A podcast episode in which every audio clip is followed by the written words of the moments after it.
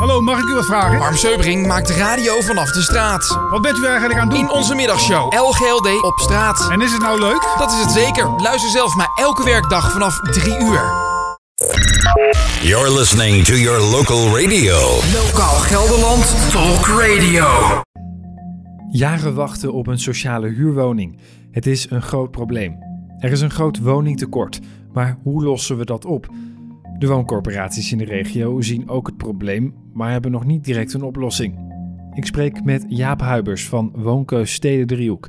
Dat is dé plek om een sociale huurwoning te vinden in de regio. Elf jaar wachten op een sociale huurwoning, kan dat niet anders? Ja, kan dat anders? Ehm, nou, op dit moment uh, niet meteen. Uh, want we zitten gewoon met een enorme druk op de woningmarkt. Um, dus we hebben een tekort aan woningen. Het, dus op dit moment kan het niet zomaar anders. Het is niet zo dat we dat helemaal vrij kunnen geven. En dat... Het heeft te maken met het gehele probleem, die hele woningmarkt, dat we dan aan zullen moeten pakken. Dat kan alleen maar in stapjes. En wat heeft dat tekort aan woningen dan veroorzaakt? Ja, precies. Dat, dat is denk ik de belangrijkste vraag. Wat is nou precies aan de hand? Um, we hebben een woningtekort op dit moment van ongeveer 300.000 woningen in heel Nederland. En waar wordt dat veroorzaakt? Nou, we hebben altijd al een licht woningtekort gehad. Je zult nooit een balans bereiken op, op deze ja, markt. Dus er zal altijd tekort, eh, tekort zijn. Alleen de laatste jaren is het tekort hard toegenomen. Er zijn een paar redenen voor. En ik denk dat er drie hoofdredenen zijn. Eén is een onderschatting van de vraag in de markt. We zien de afgelopen jaren de prognoses die gemaakt worden over de vraag naar woningen heel hard toenemen. En die onderschatting komt een beetje doordat toch meer mensen, nog meer mensen dan verwacht, eh, alleen wonen. En niet met elkaar, waardoor je ook meer huizen nodig hebt.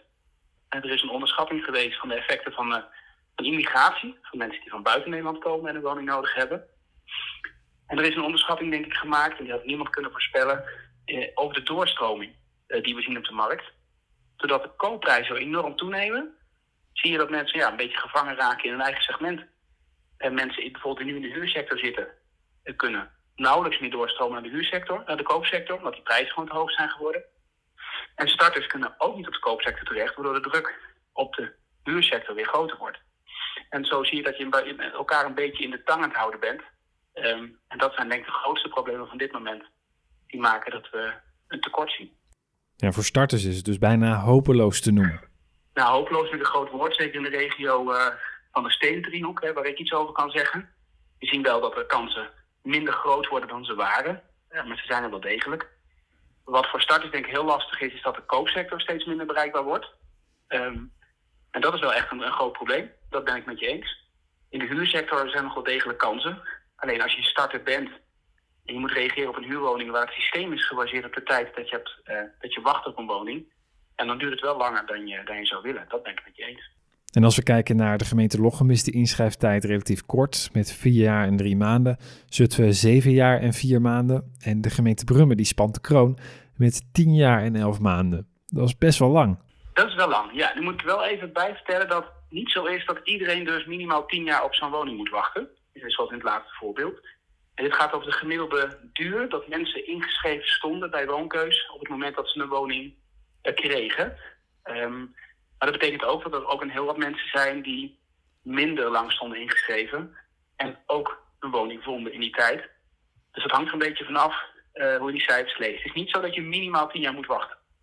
Er zijn ook uh, mensen die uh, binnen twee of drie jaar al een woning vinden. En zeker als je daar misschien wat minder kritisch in bent.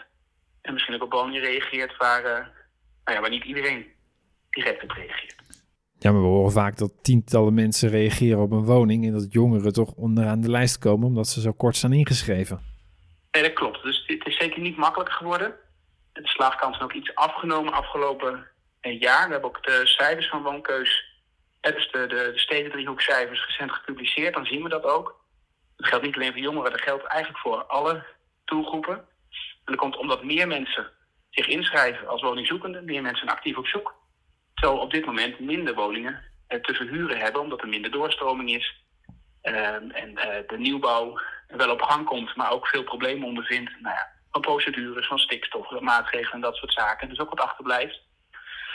Uh, en dan zien we eigenlijk over alle segmenten, maar zeker ook bij starters, dat het niet makkelijker wordt. Dat is, dat is helemaal waar. Het antwoord op het tekort is natuurlijk meer huizen bouwen, maar dat doe je niet zomaar even. Nee, doe je niet zomaar even. Een gemiddeld bouwproject eh, heeft toch een doorlooptijd van, eh, nou ja, laten we zeggen minimaal vijf jaar, hè, voordat er echt iets staat. Maar nu is het niet zo dat dit een, een nieuw inzicht is. Er liggen al heel veel plannen in voorbereiding en op stapel. Dat zien we ook wel in de, in de regio. eh, waarin toch de komende jaren echt fors gebouwd gaat worden. Dus dat is al langere tijd echt wel gaande. Maar het is waar, het heeft tijd nodig. Het mooie is wel, en dat is het grote voordeel van nieuwbouw, is dat als er een woning wordt gebouwd, dan weten we dat dat niet alleen die woning, ehm, eh, dat niet alleen die nieuwe woning bijdraagt aan de woningmarkt, maar dat er een heel treintje van verhuizingen ontstaat.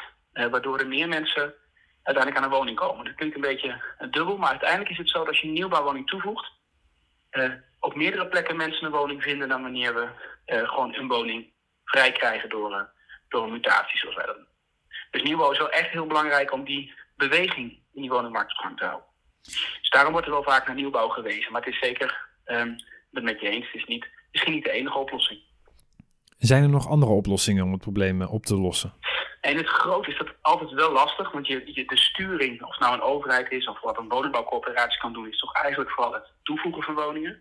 En wat je natuurlijk ziet, is, ehm, en dat heeft wat meer belangstelling nu in de grote steden eh, dan in het, eh, in het wat meer landelijk gebied, zijn mensen die samen een woning betrekken. Eh, zijn friends-woningen, hebben daar bijvoorbeeld, eh, is een concept wat daarbij geldt. Een beetje nou, zoals de serie Friends, daar is op gebaseerd dat je met, met meerdere mensen een, een woning betrekt. Dat kan voor jongeren heel interessant zijn voor een bepaalde periode, maar misschien niet het meest duurzaam. Ja, en, en we moeten met elkaar nadenken, maar dan hebben we het over een samenlevingsvraagstuk en niet zozeer iets wat de overheid zou moeten beslissen.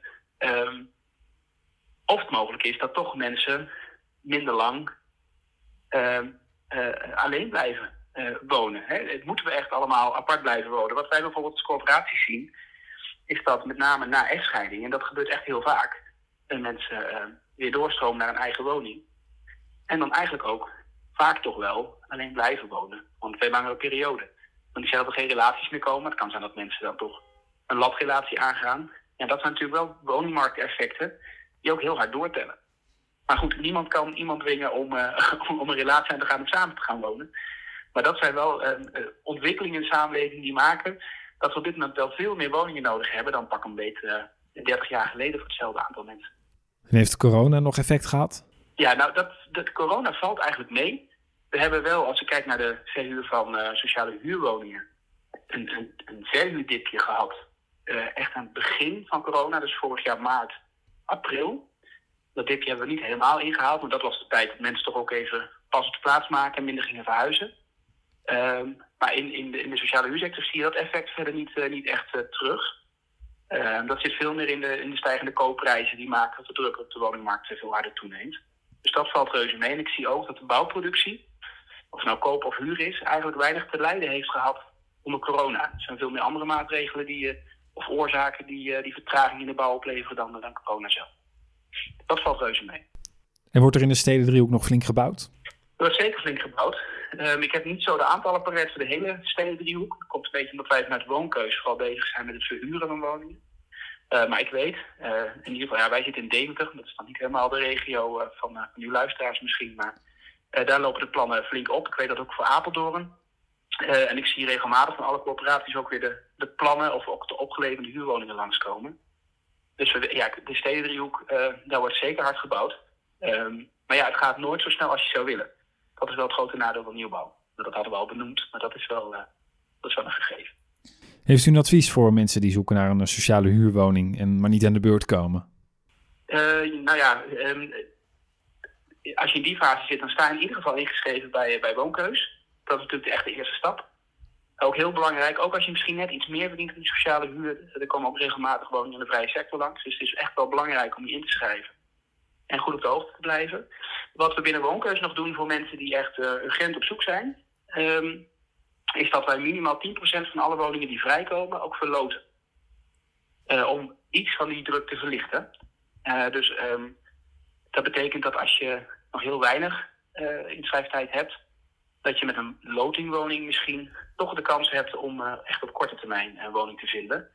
Maar goed, de lotingwoning, de naam zegt het al, je doet er wel mee aan een loterij. Dus je succes is zeker niet gegarandeerd.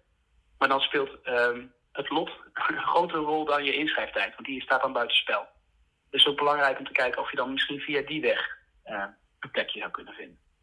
Jorde Jaap Huibers van Woonkeus Steden Driehoek over de problemen in de huursector.